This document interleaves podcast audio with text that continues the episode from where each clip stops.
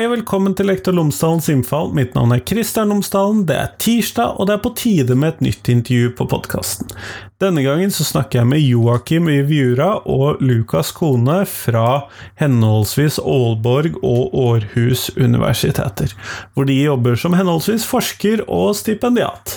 Og denne gangen så er det igjen en episode basert på boken Skolens mening, og denne gangen så snakker jeg da med disse to om skolens plass til å være seg selv. Altså, får skolen plass til å være skole? Får skolen en mulighet til å drive med det den skal drive med, og får vi nok ressurser til det, eller puttes det altfor mye annet rart inn i skolen som skal, hva skal vi kalle det, oppfylle skolens eh, samfunnsoppdrag? Står det i veien for Eh, skolens mulighet til å drive med de tingene som skoler egentlig skal drive med? Eh, og hva er i så fall det? Hva skal skoler drive med? Hva er det som er skolens oppgaver? Her er det mange spørsmål. Ellers, podkasten Lektor Lomsdalens innfall er sponset av Fagbokforlaget og Fagbokforlaget har gitt ut en metodebok om forskningsoversikter. Sånn at når du skal skrive en bacheloroppgave eller en masteroppgave, eller kanskje med en doktorgradsavhandling, eller du skal eh, drive med videreutdanning, etterutdanning, og så har du samlet inn en del informasjon, du må finne ut hva som er viktig for deg, og da kan det være at du trenger akkurat den boka. Og Boka den heter 'Forskningsoversikter i utdanningsvitenskap', og Fagbokforlaget anbefaler den til alle studenter på lærerutdanningene og innenfor andre pedagogiske juridiske fag. Kanskje nyttig andre steder også, men du finner den på fagbokflagget.no. Nå får du Joakim og Lukas, vær så god.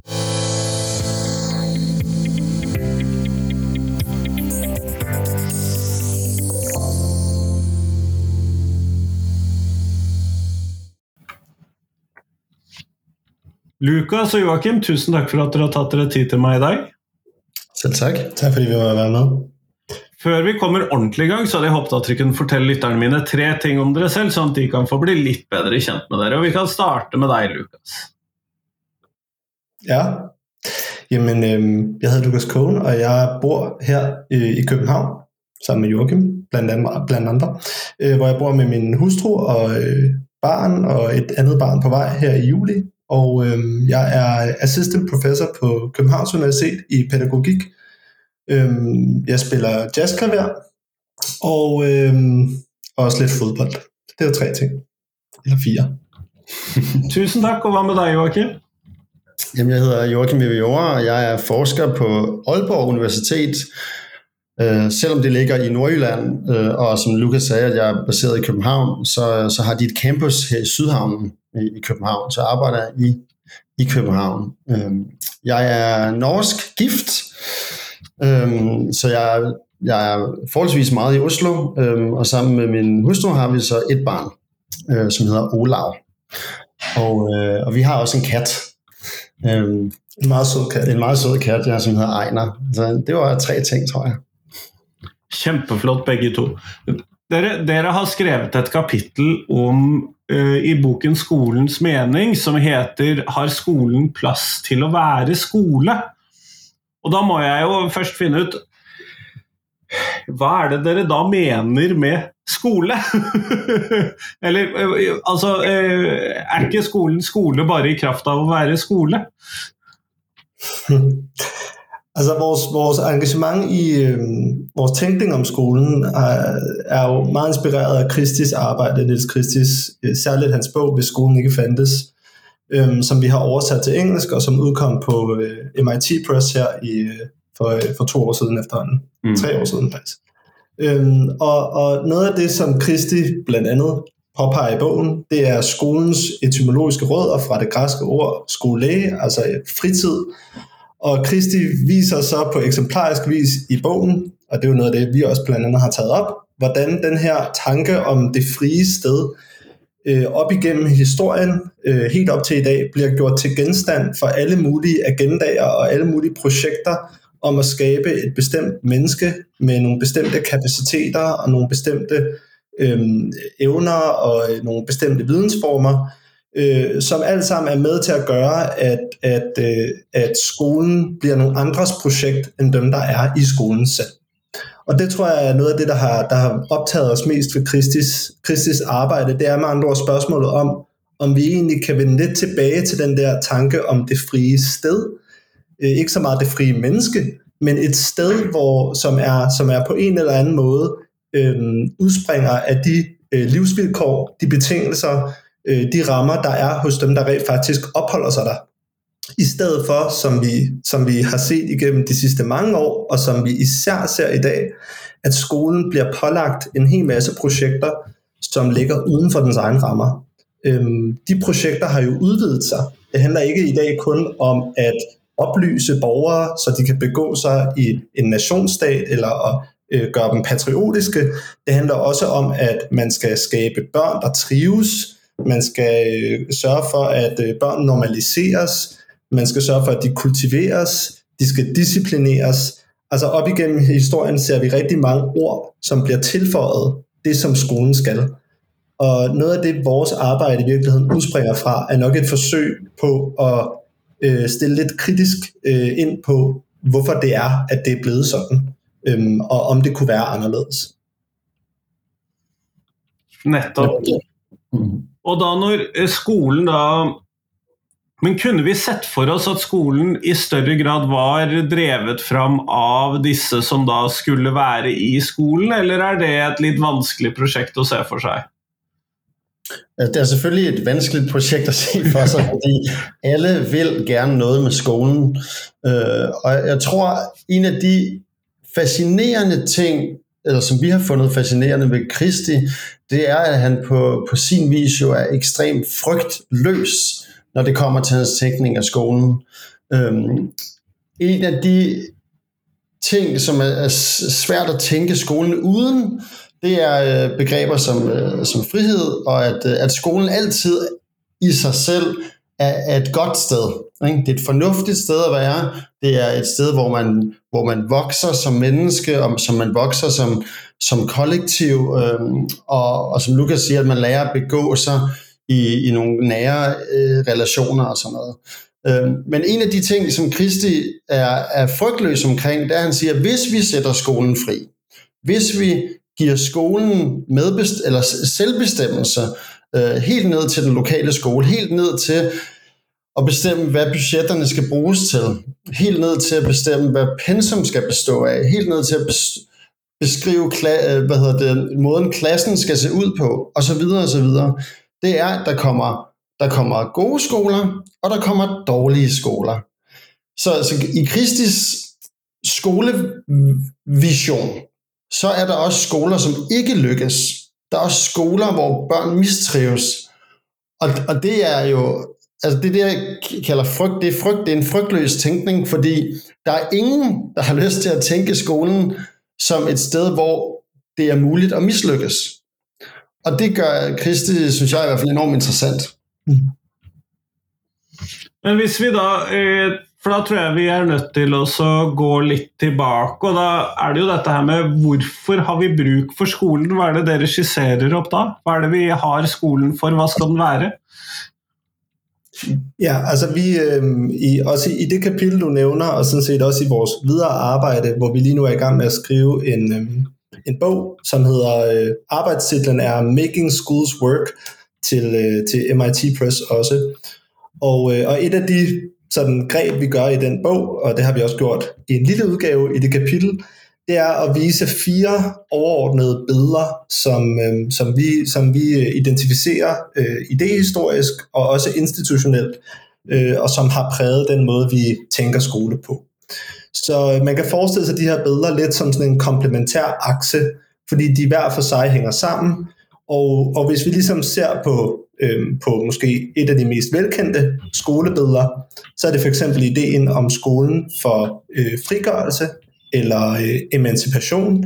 Altså det er sådan en rousseauiansk tanke om, at det pædagogiske projekt grundlæggende handler om at øhm, gøre mennesket frit til at leve sammen med andre, øh, men, men også med en vis kritik af det bestående samfund. Med andre ord kommer vi siden Rousseau øh, og, øh, til at se et, et skolebillede, som, som, som betragter skolen som en form for revolutionær størrelse, hvor man øh, kan installere en ny form for demokratisk orden igennem en ny form for demokratisk samvær, øh, solidariske øh, måder at handle på, men også øh, frigørende tankemåder, altså hvor man kan identificere de elementer i samfundet, som måtte være undertrykkende osv. Så det er for eksempel et skolebillede, som vi ser helt tilbage fra Rousseau op til udviklingen af de frie skoler i øh, 1960'erne og 70'erne, øh, Sudbury Schools, A.S. Sommerhed, altså hele, hele den frie skoletanke betragter vi som et billede. Så kunne man så for eksempel sige, at øh, hvis det handler om individuel frigørelse mod demokrati, så identificerer vi også et andet billede, som handler om individuel humanisering, som er det, vi kunne kalde et dannelsesbillede. Så på den ene side har vi et billede fra Rousseau, der handler meget om frigørelse af mennesket, øhm, baseret på en forståelse af menneskets natur. Dannelsesbilledet har så et stærk idé om, at vi skylder mennesker at kultivere dem i det, der er det smukkeste, som mennesket har frembragt. Så det er en tanke, vi især ser tydeligt hos øh, Wilhelm Humboldt og andre oplysningstænkere, for hvem det at øh, møde de smukkeste græske billeder, øh, musik, kultur, er en vigtig del af det humaniserende projekt, sådan så at mennesker kultiveres ind i, øh, i, øh, i, øh, i det, det vil sige at være et menneske. Øh, så det kan man sige er en, det er en pendant til, til, til den her emancipationstanke, hvor frigørelsen i stedet for at ligge hos barnet selv, så ligger frigørelsen nu hos, øh, hos øhm, øh, dannelses, øh, hvad kan man sige, kravet, øh, som skolen så skal installere eller sørge for igennem nogle velkendte mekanismer. Det kunne fx være ideen om en kanon, øh, det kunne også være ideen om nogle bestemte oplysningsmål, som, som børn skal opnå, før vi kan betragte dem som civiliserede. Mm-hmm. Så det, det, det, det er de to billeder, vi identificerer på den individuelle akse. Nettopp, nettopp. Men og når vi da tar det med i mente, hva innebærer det at uh, vi kan At vi kan feile skolen, da? Al altså at man kan mislykkes i skolen. Hva innebærer det da, ut ifra det? Jamen altså, det er, jo, det er jo vigtigt at understrege, synes jeg, at i dag kan man i den grad fejle i skolen. så det er ikke fordi, at øh, når Kristi siger, at, øh, at øh, en frigørelse vil, vil både skabe gode og dårlige projekter, øh, så er det fordi, man, man slet ikke kan fejle i dag. Ikke? Man kan jo i dag, man kan jo nærmest dumpe og gå i, i børnehave, ikke? Så, så, så der er selvfølgelig mange ting der, øhm, men, øhm, men Kristi øh, i forhold til, til det frygtløse, øh, og i forhold til, at Kristi egentlig også er optimist, ikke? det er, at han, han tror på det bedste i mennesket. Øh, det skriver han meget eksplicit i begyndelsen. Han tror på, at folk gør det så godt med de sociale rammer, som de har. Øhm, og derfor så forestiller Kristi sig også, at hvis man sætter skolen fri, så vil de forskellige skoleledere, øh, altså uden støtte af, af sådan administ- administrative krav og så videre, men selvfølgelig med, med, med, med midler fra staten, altså offentlige pengemidler, ikke, som de selv kan forvalte, så vil skolelederne og lærerne og forældrene, de vil inspireres af andre skoler. Man tænker, herover gør de noget smart. Øh, de gør noget smart i, i Tromsø, hvorfor gør vi ikke det i Oslo? Eller omvendt. Øh, så Kristi har også sådan en, en form for, hvis man kigger ud på sådan en flot blomsterhave, at de ligesom bestøver hinanden skolerne, ikke? Og, og det frie skolemiljø vil, vil blomstre på den måde, tror jeg, tror jeg han vil sige. Ikke? Men, men, men dermed ikke sagt, at nogle planter selvfølgelig visner. Det gør de jo også. Øh, men, men det, det vil sige, at, at en skole øh, fejler, det er ligesom, at øh, det, projektet ikke, ikke fungerer, eller er måske nogle konflikter, der, der, der ødelægger noget, ikke? Øh, både internt og eksternt og så, og så videre. Men det er jo så nu engang sådan, som livet er. Altså livet er jo ikke en, en perfekt øh, øh, jernbane, man bare kan, kan køre på, vel? Øh, det er klart.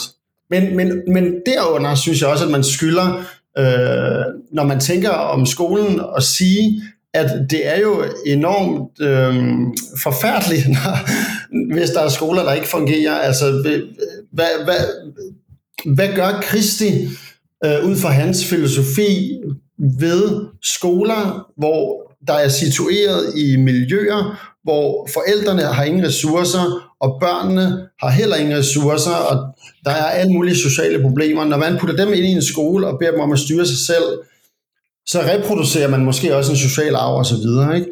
Så, så, altså, så ikke sagt, at Kristi har løst alle problemerne øh, hmm.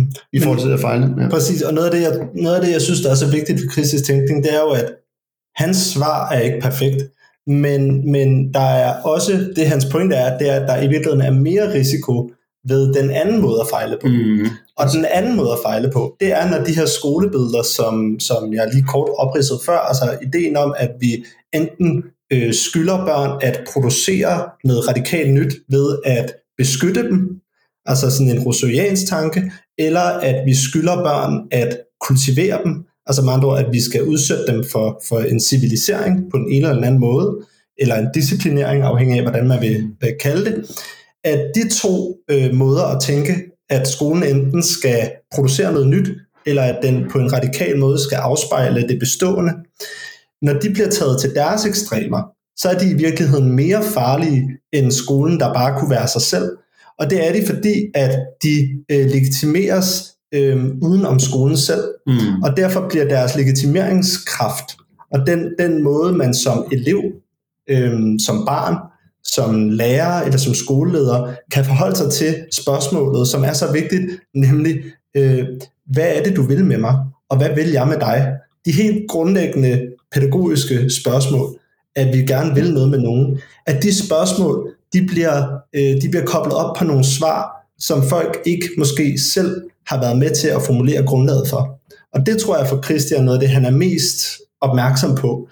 Øhm, I stedet så bliver de forankret i policytekster, i læringsmål, i alle mulige uartikulerede og skjulte agendaer, som ligger uden for skolen, men som jo stadig siver ind i og er med til at determinere, hvordan skolens liv udfolder sig.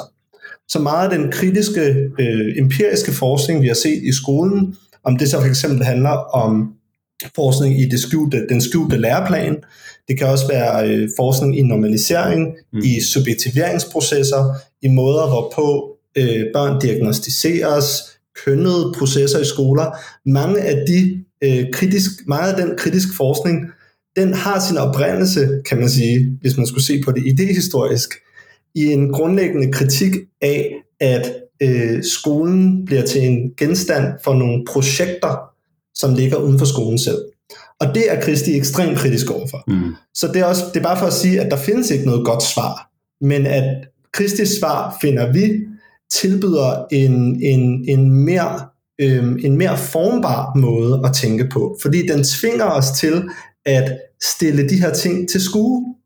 Mens at når vi, når vi, når vi bare lader dem, lader dem henføre til begreber eller til idealer, så ender man bare med at forsøge at finde på løsninger til at, øh, til at hvad kan man sige, fortsætte det samme problem. Så hvis skolen ikke blev demokratisk, jamen, så er det fordi, vi ikke har gjort det nok. Eller så er det fordi, at der er det her, eller det her, eller det her galt.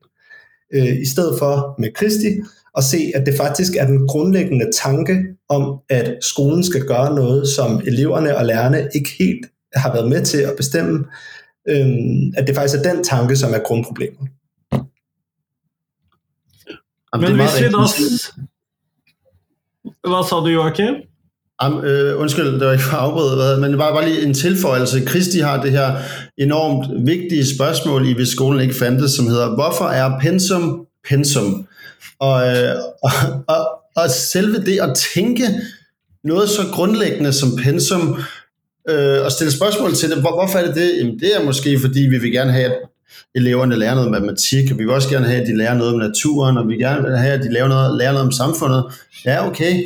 Øh, det kan de måske gøre på forskellige måder i forskellige skoler, og selve det er ligesom at stille de her grundlæggende øh, spørgsmål om skolens rammebetingelser, eller skolens øh, indre mekanik, gør, at Kristi bliver ekstremt produktiv for, for skoletænkningen, synes jeg, fordi han, det er ligesom, han, han åbner skolen på sådan en helt radikal måde. Nærmest, man, bliver, man synes, når man læser det første gang, vemmes man nærmest ved, at han skal stille så mange spørgsmål om skolen. Hvor, altså, pensum er jo bare pensum.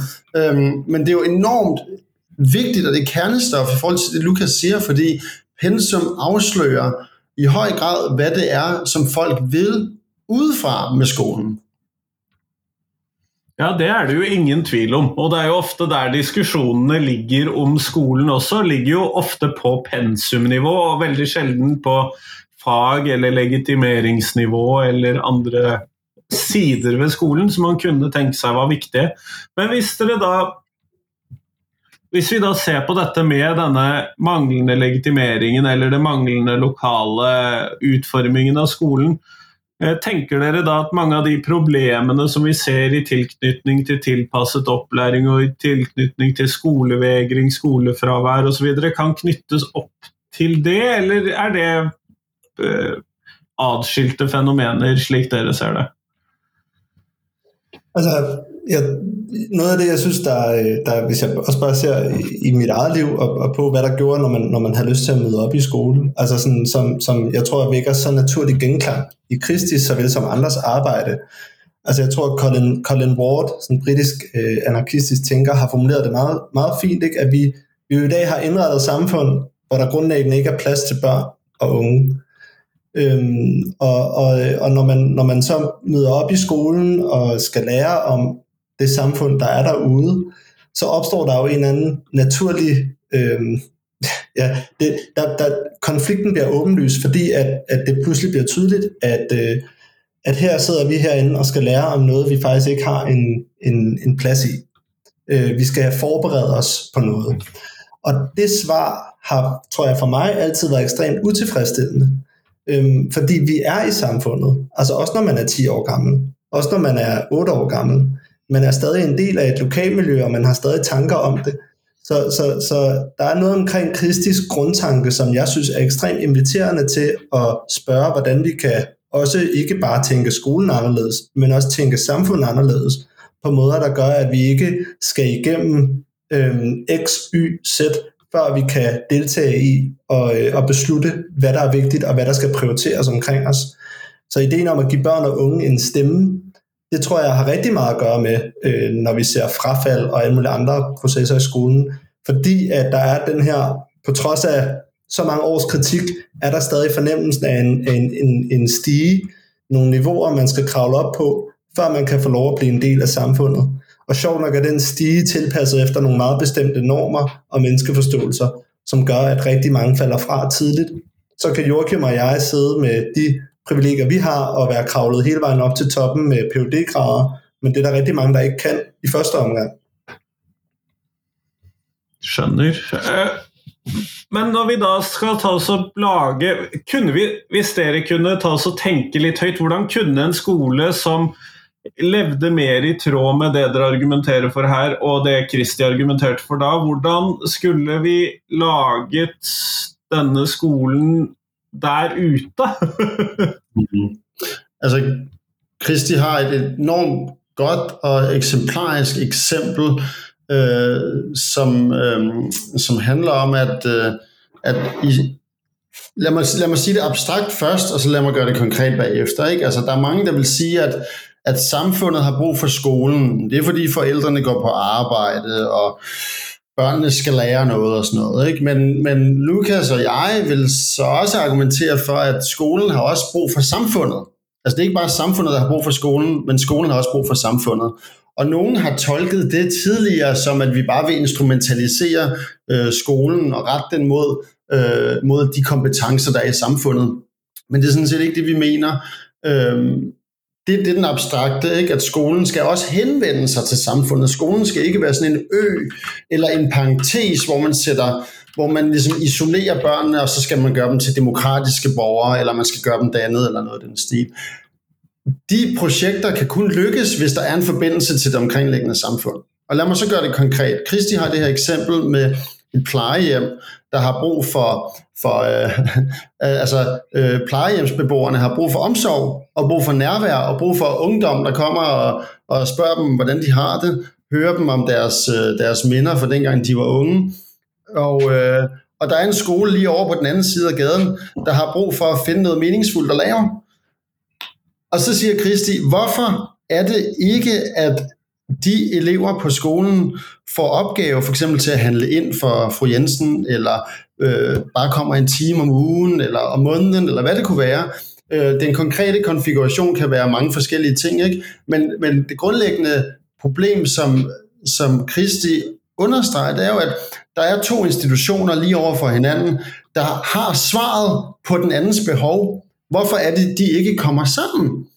Og, og det, det er sådan et konkret eksempel på, hvad, hvordan kan man skabe mening? Hvordan kan man koble skolen op på samfundet?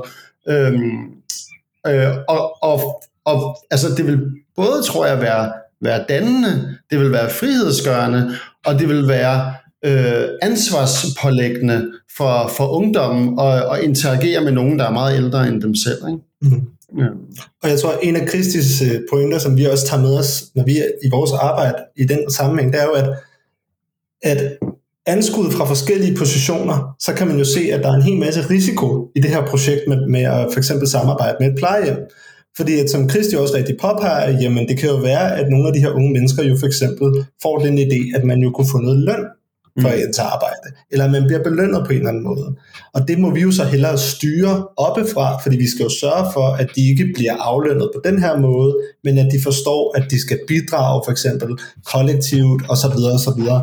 Men noget af det, jeg synes, der er så befriende ved Kristi, er, at nej, det skal vi ikke bestemme oppefra. Og det er der, hvor, hvor, hvor den frygtløse tænker virkelig kommer frem, det er, at hvis, hvis, hvis de finder ud af, at der skal være en lønstruktur, og at skolen skal kunne tjene penge for eksempel, så må den kunne det. Så må de selv erfare, hvad det gør, hvad, hvad den, den måde at sætte en økonomisk system gør, overfor at der er måske en anden skole, hvor man for eksempel udveksler, øh, udveksler råvarer, eller hvor der måske er en landmand tæt på, der kan tilbyde sin hjælp. Altså, skolerne vil jo altid finde forskellige svar, men, men vi skal kunne turde løbe den risiko. Fordi man kan sige, det der så ofte sker, er, at man, man, tænker, man tænker, man kan godt forestille sig ude på skoler, den her situation, så drømmer man om åbne skoler. Vi, øh, vi gør alle mulige ting i dag for at bryde skolevæggene ned. Vi ser en hel masse skoler, som kaster sig ud i alle mulige spændende projekter, men de stopper ofte lige før de når til, til det vigtige punkt, fordi at man alligevel har et behov for kontrol men alligevel har et behov for at kontrollere legitimeringen af, hvad det er, vi gør. Og så længe vi bliver ved med at have den barriere, så tror jeg, det bliver svært at skabe levende skoler. Så bliver et hvert forsøg koblet op på en demokratisk agenda, eller på en liberaliserende agenda, eller på en moraliserende agenda, hvor vi fra lærerens perspektiv ikke gør noget med henblik på at opnå noget andet. Og man kan sige, at det er jo i virkeligheden en pædagogisk kritik, som vi kan rette helt tilbage mod Rousseau, og som øh, den franske tænker øh, Jacques Rancière, han gør på fremragende vis, øh, som er, at han påpeger, at rigtig meget skole, øh, rigtig meget pædagogik, er baseret på ideen om, på den ene eller anden måde, at vi lyver for vores elever.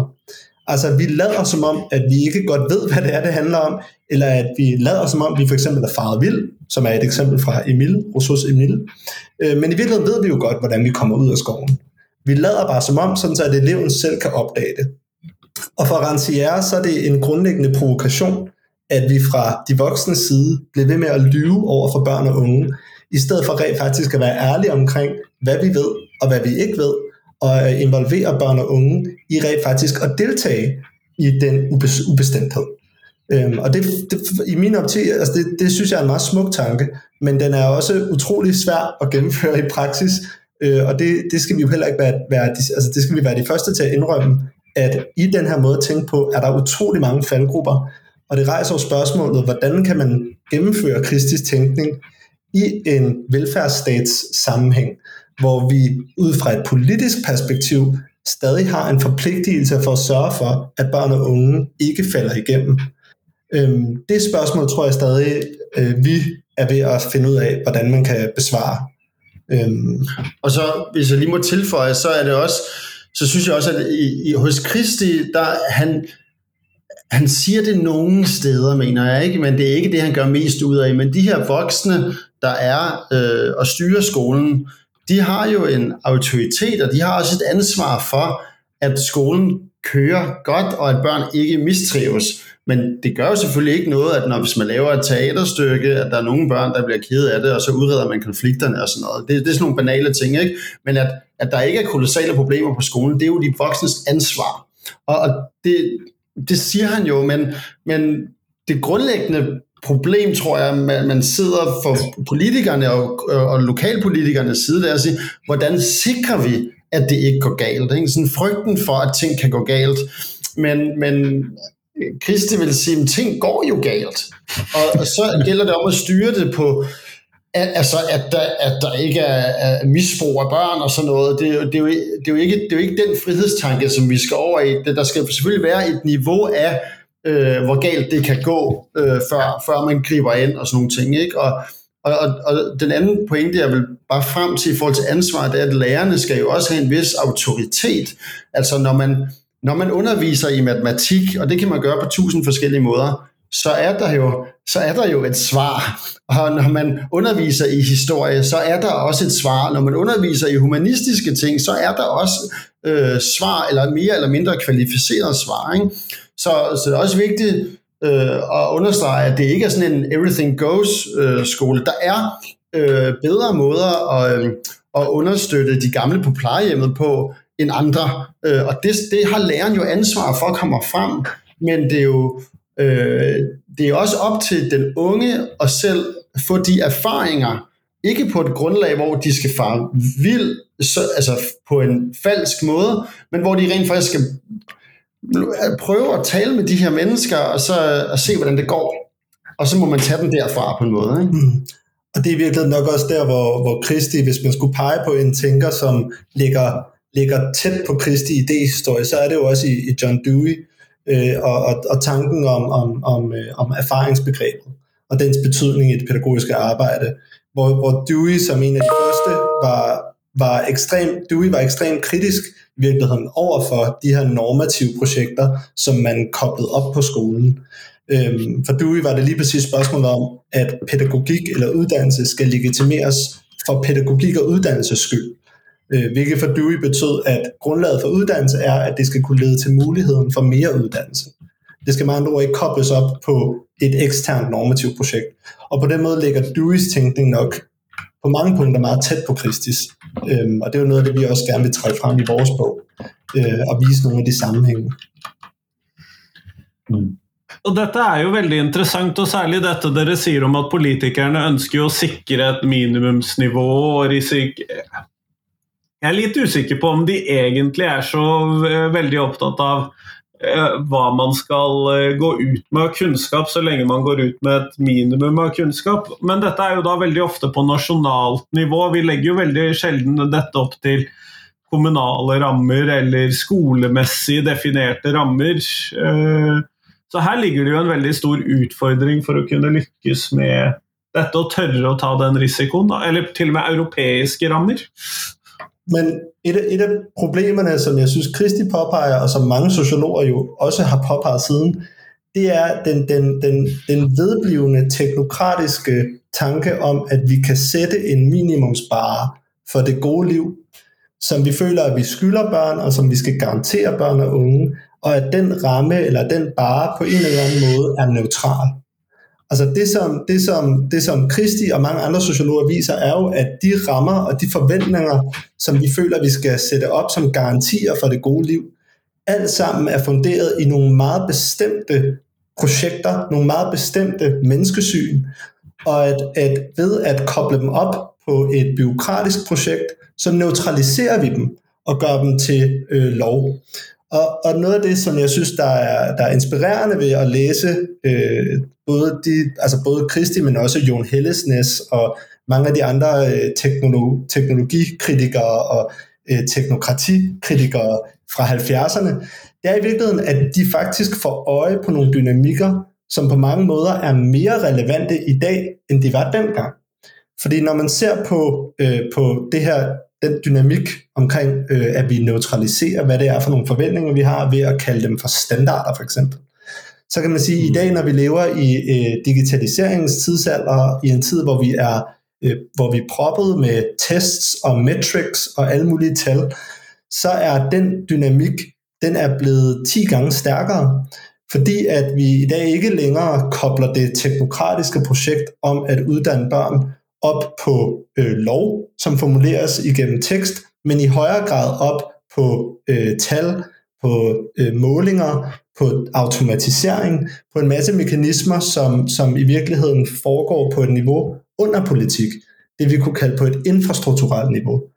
Øh, og, og det tror jeg, hvis Kristi øh, skulle kommentere i dag, så tror jeg også, at han vil være ekstremt optaget af, øh, hvordan for eksempel PISA-tests eller andre af de her testsystemer er med til at skabe nogle bestemte normer og nogle bestemte retninger, men uden at de nødvendigvis er formuleret politisk. Øhm, og netop forsøge at kalde frem, at, at de her tests alle sammen er billeder på et bestemt menneskesyn, hvor vi tænker et menneske som for eksempel rationelt eller som matematisk tænkende osv. Kjempeflott, Lukas og Joakim. Vi går mot slutten av dette podkastintervjuet. Og da vil jeg stille dere det spørsmålet jeg stiller til alle for tiden. Og det er hvilken lærer har gjort størst inntrykk på dere, og hvorfor det? Og da starter jeg med deg, Joakim, denne gangen. Ja, altså nu havde jeg meget lyst til at, at, at sige en, en lærer på universitetet, fordi der havde jeg virkelig nogle gode lærere.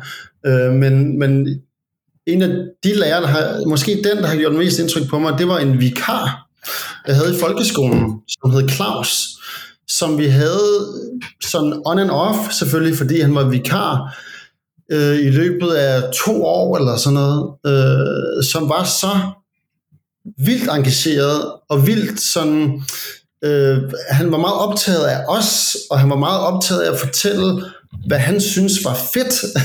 jeg kan huske, at han snakkede om Pink Floyd og sådan noget, og det var, det var jo lige på 90-tallet, ikke? Altså, øhm, han, han bidrog bare med en energi, og han havde en vilje til at, at, at lære os noget. Øhm, det, de fleste andre vikarer, der skulle vi bare ud og spille rundbold, fordi de egentlig ikke gad at, at undervise os, men han, han havde taget sådan nogle bøger med om hajer og, øh, og om alt muligt, som han bare synes var spændende, og så, og så nu skal jeg lære det her, og, og, så, øh, og så blomstrede den der forståelse af for eksempel hajer, øh, og det, øh, ligesom jeg tænker, sådan, der går ikke et år, tror jeg, uden jeg tænker på ham, og tænker, kan vide, hvor han er i dag. Og når, det er jo sådan, når man går i folkeskole, så det er enormt svært at bestemme alderen på folk, der er 10 år ældre end en selv, ikke? Så, så jeg har ingen anelse om, hvor gammel han var. Jeg tror, han var ung. Jeg tror måske, at han var 21 eller sådan noget. Men, øhm, men, men det, det vil jeg sige, Claus, helt sikkert. Det vækker jo genklang til Kristi.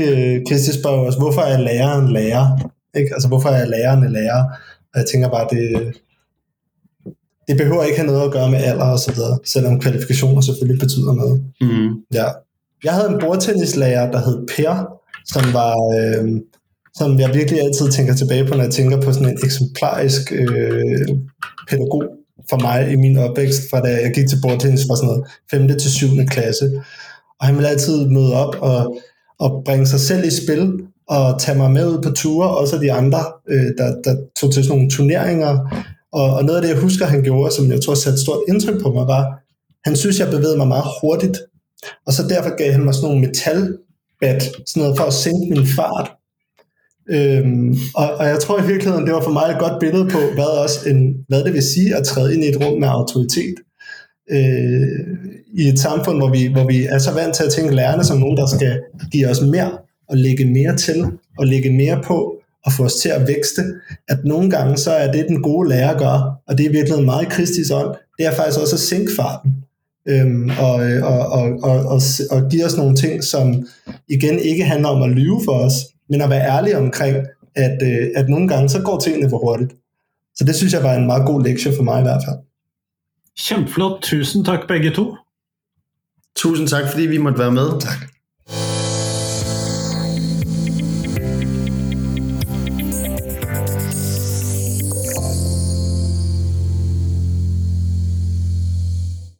Tusen takk til Joakim, tusen takk til Lukas, og tusen takk til deg som hørte på.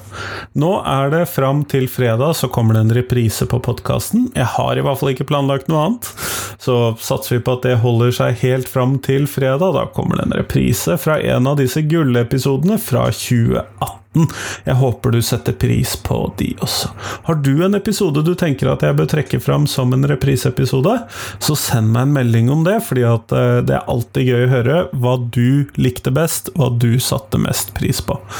Det syns jeg er kjempegøy.